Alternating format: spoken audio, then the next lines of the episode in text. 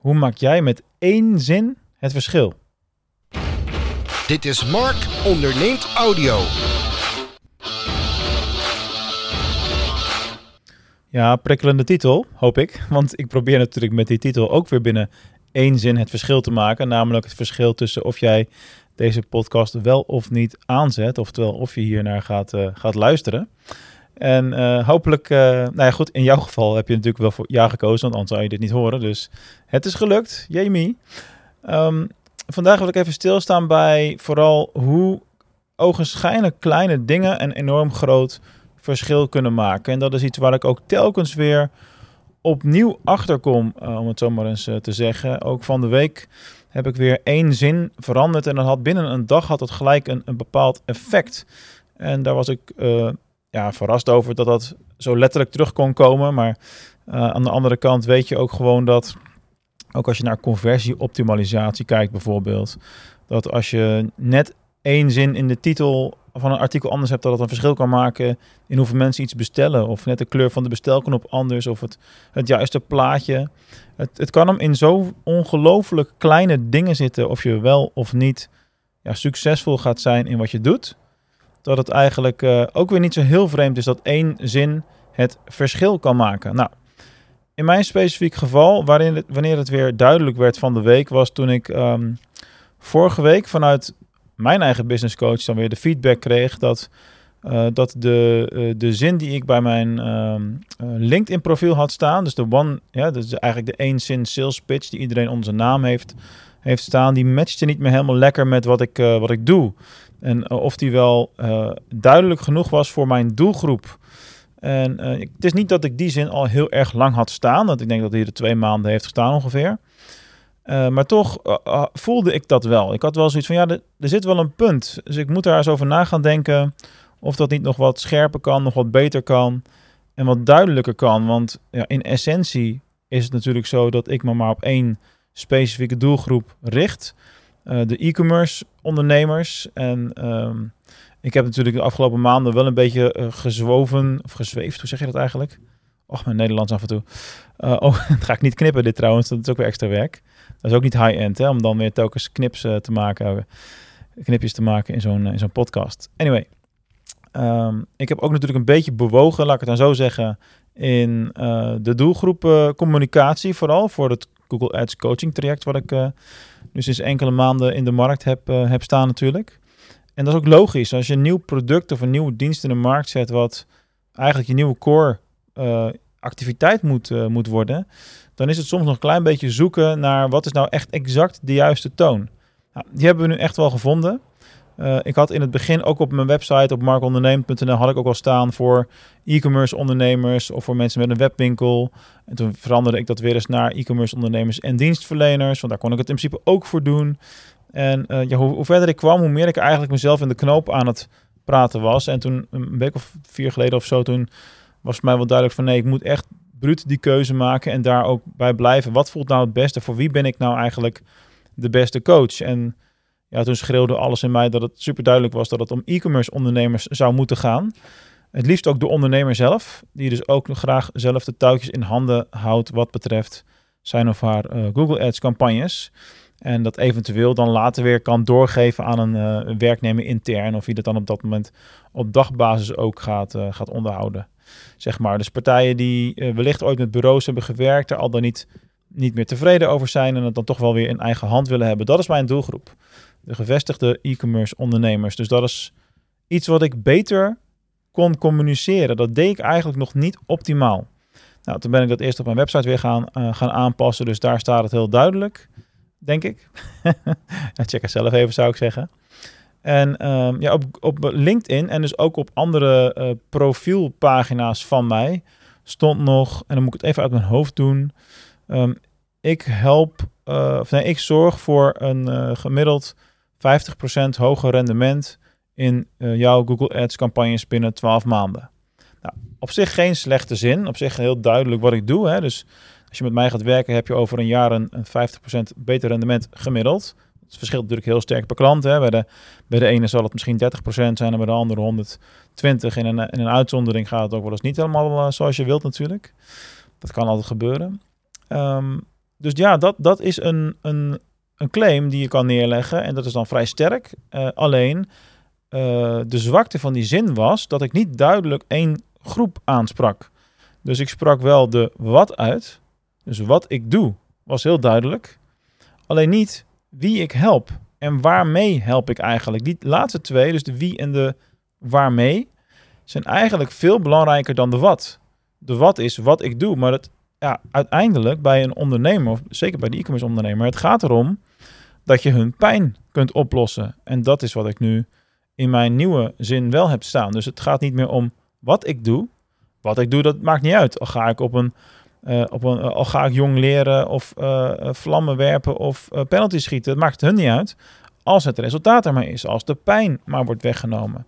Heel kort door de bocht. Ik weet dat dat rare voorbeelden zijn, maar dat is in essentie wat, uh, wat, wat ik ja, heb aangepast, zeg maar. Dus niet meer het wat vertellen. Dat vertel ik natuurlijk later in een verkoopgesprek nog wel. Maar het vertellen over het wie help ik eigenlijk en waarmee help ik je eigenlijk. En als dat iets is waar je je in herkent, waar een pijnpunt zit, ja, dan is de kans natuurlijk vrij groot dat je op mijn uh, radar komt. Of ik op jouw radar moet ik zeggen. En dat je dan onder andere naar deze podcast gaat luisteren. Of dat je je aanmeldt voor een salesgesprek of een strategiegesprek. Dus dat, dat zijn eigenlijk de, de routes. Nou, wat is die zin uiteindelijk geworden? Ja, ik kan hem natuurlijk ook gewoon op LinkedIn bekijken en lezen daar, daar niet van. Maar uh, ik ga natuurlijk hier ook even bespreken, anders is het een beetje suf. Google Ads Coach voor gevestigde e-commerce ondernemers. Punt. Zo simpel, snel en winstgevend mogelijk naar een maximaal rendement uit Google Ads campagnes. En ik serveer het je. Nog niet 24 uur later had ik een bericht in mijn LinkedIn inbox. Hey Mark, ik lees dat jij gevestigde e-commerce ondernemers helpt met Google Ads campagnes. Daar heb ik behoefte aan, kunnen we een call inplannen. Nou, als dat geen hint is dat deze zin misschien wel eens wat beter zou kunnen werken dan de zin die ik eerst had, dan weet ik het ook niet meer. Uh, dus voor mij heel duidelijk dat één zin echt gelijk het verschil kan maken. In dit geval tussen wel of niet een, uh, een extra coachingklant natuurlijk. En, niet dat dat dan het enige is of dat alles daarom draait, helemaal niet. Maar het is gewoon om even aan te geven dat als je heel duidelijk bent in wat je communiceert en uh, dat je ook het juiste aanspreekt en daarmee een snaar kan raken bij mensen, ja, dan kom je vaak veel verder als wanneer je het hebt over wat je doet en wat je, wat je handelingen zijn. En dat is wat je toch ook wel vaak bij de, eh, bij de klassieke bureaus uh, ziet. De, de zoekmachine marketingbureaus of gewoon überhaupt online marketingbureaus, die communiceren heel veel over het wat en hoe iets moet. En, en dat soort zaken allemaal, maar niet zozeer over het, uh, het hoe, waarom iets gedaan moet worden, welke pijn wordt weggehaald. Andersoortige content eigenlijk, die voor ondernemers vaak veel uh, relevanter is. Dus dat, hebben we, uh, dat heb ik aangepast. Um, ja, en als je daar dan over verder gaat nadenken, dan kom je toch wel redelijk snel tot de conclusie dat je dit op veel meer plaatsen kunt doorvoeren. En dat zijn dingen, daar ben ik altijd al mee bezig en dat weet ik ook wel. Maar misschien goed om dat hier ook even te vertellen. Denk maar eens bijvoorbeeld na over wat de komende tijd binnen Google Ads het meest belangrijk gaat zijn. Ik heb in de vorige podcast heb ik drie uh, Google Ads trends heb ik besproken. En die, uit mijn hoofd was het de derde trend, ging het over de content creatives.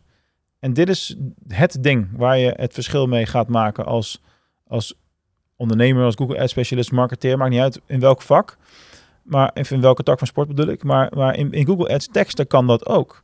Want we zijn allemaal gedwongen om met die uh, responsive tekst advertenties te werken. Dus dat zijn die advertenties met waarbij je 10, 12 titels kan invoeren, 4, 5 omschrijvingen enzovoort.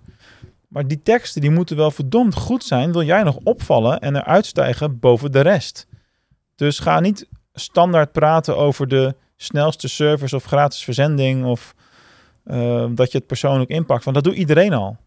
Wat doe jij wat echt uniek is? Welke pijn los jij op met jouw product of dienst? En dat wil je eigenlijk zoveel mogelijk in de tekst terug laten komen. Naast natuurlijk dat je daarin ook, en dat is dan specifiek voor Google Ads, moet nadenken over uh, welke uh, zoektermen zet je dan in. Wat gebruik je dan? Uh, en dat soort zaken allemaal. Dus het is eigenlijk wel heel erg aan het um, veranderen waar de focus ligt. Ook binnen de, de Google Ads campagnes en het management daarvan. Je moet na meer tijd spenderen aan het nadenken over ja, wat nou die ene zin is, waardoor mensen op jouw advertentie gaan klikken en niet meer op die van je concurrent, waardoor jouw rendement dus beter wordt. Waardoor meer mensen uiteindelijk een stap dichter zijn bij het doen van de aankoop bij jou. Want dus de klik krijgen is één ding, maar daarna moet je er natuurlijk ook nog voor zorgen dat uh, mensen daadwerkelijk die aankoop bij jou willen doen, dat de conversie op orde is, zeg maar, uh, dat het aanbod goed is en uh, dat alles op je website zelf ook uitstekend werkt. Oftewel, als je dit twee dingen zo naast elkaar hoort, um, kom ik ook wel weer tot de conclusie dat alle keuzes die je onderweg maakt, die meer specificaties geven over de oplossing die je biedt en het waarom en voor wie, het heeft uiteindelijk een effect op je bottom line. En ik doe dat nu al een paar maanden in, in verschillende stappen bij mijn bedrijf. En dan heb ik het natuurlijk over de coaching tak, Mark onderneemt. Dat is een aparte tak binnen mijn BV. Dat is waar ik 80, 90 procent van mijn tijd doorbreng. En die andere 10 procent van mijn ondernemerstijd gaat nog naar eh, DGOC, waar ik dan de, de Done For You uh, pakketten verkoop. Alleen daarin ben ik mezelf helemaal uit die organisatie aan het halen. Dus ik doe straks niks meer in de uitvoering van de campagnes. Je hebt een andere, andere account managers, noem het maar op. freelance en, en mijn ex in dienst is, die dat ook uitstekend kan. En ik ga dan volledig in die coaching zitten. Dus, dus ook daar moet je kijken naar hoe ga je in de communicatie dan dat verschil maken. Nou, bij Mark Onderneemt is het heel duidelijk. Hè, daar is het gewoon continu mijn gezicht op de voorkant, de dingen die ik daar vertel. En bij DGOC is het juist steeds meer mijn gezicht daar weghalen en ervoor zorgen dat het um, ja, andere soortige content is die meer corporate is, die meer bedrijfsmatig is. Nou goed, dat ben ik verder nog aan het uitkristalliseren. Plus ik kan een aantal dingen nog niet zeggen. Want dat is al wel een kleine teaser natuurlijk. Uh, binnen het bedrijf TGOC gaan we namelijk de naam veranderen. En ik dacht nooit dat ik dat ging doen, maar toch ga ik het doen. Dus dat betekent dat de naam DGOC aan zich zal uit de markt gaan verdwijnen. Er komt een andere naam voor in de plaats. Nou, wat en hoe en, en de, hoe, wat, hoe dat gelanceerd gaat worden, dat hou ik nog even geheim. Is voor de markt onderneemtak natuurlijk ook minder relevant. Hier gaat het puur over die Google Ads coaching. Maar aangezien ik geen andere podcast meer heb, vind ik het soms wel leuk om dat ook nog een beetje hier mee te nemen en te vertellen. Uh, maar daar gaat dus wel iets, iets, iets groots veranderen. Dat betekent ook dat ik echt als een, met een botte bel door de organisatie heen ga, waar ik het al gedaan heb, waar we 80, 90 procent van de diensten hebben geschrapt, alleen nog maar zoekmachine marketing doen. En uh, ja, daar gaan we dus ook de hele huisstijl, de namen, alles op aanpassen, dat alles daar perfect op aansluit en dat het super duidelijk is in de markt wat we doen en dat je daar eigenlijk niet omheen kan. En, uh, ja, en dan, dan is dat het bedrijf waar ik zeg maar um, de eigenaar ben en uh, vooral één keer in de week het management uh, stukje doe en het team aansturen wat er moet gebeuren. Waarbij die Google Ads campagnes volgens mijn filosofie worden uitgevoerd. Dat is mijn rol daar. En in feite is het nu al zo dat als je nu daar een aanvraag doet, dat ik niet meer in beeld kom als, als degene die je campagnes gaat, gaat uitvoeren. Dat is nu klaar. Dus als je één op één met mij wil werken, dat wordt steeds schaarser, wordt steeds moeilijker. Uh, dan moet je dus naar die Google Ads uh, coaching uh, route toe. En dat is ook het enige waar ik me nog in de promotie zelf vooral mee bezig zal gaan, gaan houden via mijn, mijn profielen en mijn kanalen.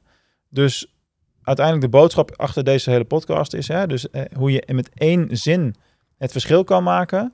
Dat continu doorvoeren. Dus in het voorbeeld van vandaag ging het vooral over um, de, de LinkedIn payoff in dit geval die gelijk een stuk duidelijker is. Uh, maar ik voer het op alle niveaus in mijn organisatie door. En jij kan dat ook doen. Dus binnen je Google Ads teksten, binnen ook gewoon de titels van je artikelen op je website, binnen uh, je Facebook campagnes en de teksten die je daarin zet. In, en in mijn geval binnen mijn Done For You bedrijf dus ook straks met een compleet nieuwe huisstijl en een compleet andere bedrijfsnaam. Um, ja, de DGOC zal nog wel als overkoepelende BV blijven bestaan, maar dat is het dan ook wel. In de markt gaat die naam weg in elk geval.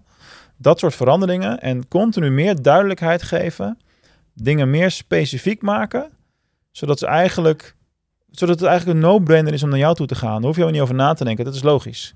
Tuurlijk gaan mensen met jou zaken doen. Tuurlijk gaan mensen bij jou die producten kopen. Uit jou uh, klikken vanuit Google Ads. Want daar gaat het uiteindelijk om. Ben je nou ook zo iemand die de e-commerce campagnes, de Google Ads campagnes voor je e-commerce bedrijf eh, zelf aan het doen is, eh, al in het verleden met een bureau gewerkt heeft, dat niet meer wil, dat iets meer in eigen hand wil houden, maar daar eigenlijk nu niet ofwel niet genoeg aan toekomt, ofwel er eigenlijk te veel tijd aan besteedt en het zou eigenlijk efficiënter moeten kunnen. Nou, in dat geval raad ik je aan om even dat strategiegesprek met mij in te plannen. Ben je nou dienstverlener of ehm, B2B bedrijf, ga je nu nooit een webshop openen. En dan zou ik bijna zeggen, uh, de-abonneer je van uh, dit kanaal. Anti-reclame, want ik ga echt alleen nog maar op die doelgroep targeten en op die doelgroep mijn uh, gesprekken baseren. Keuzes maken je sterk, keuzes maken je aantrekkelijker. Oftewel, maak jij ook in één zin het verschil? En zo niet, ga daar dan even met mij over in gesprek.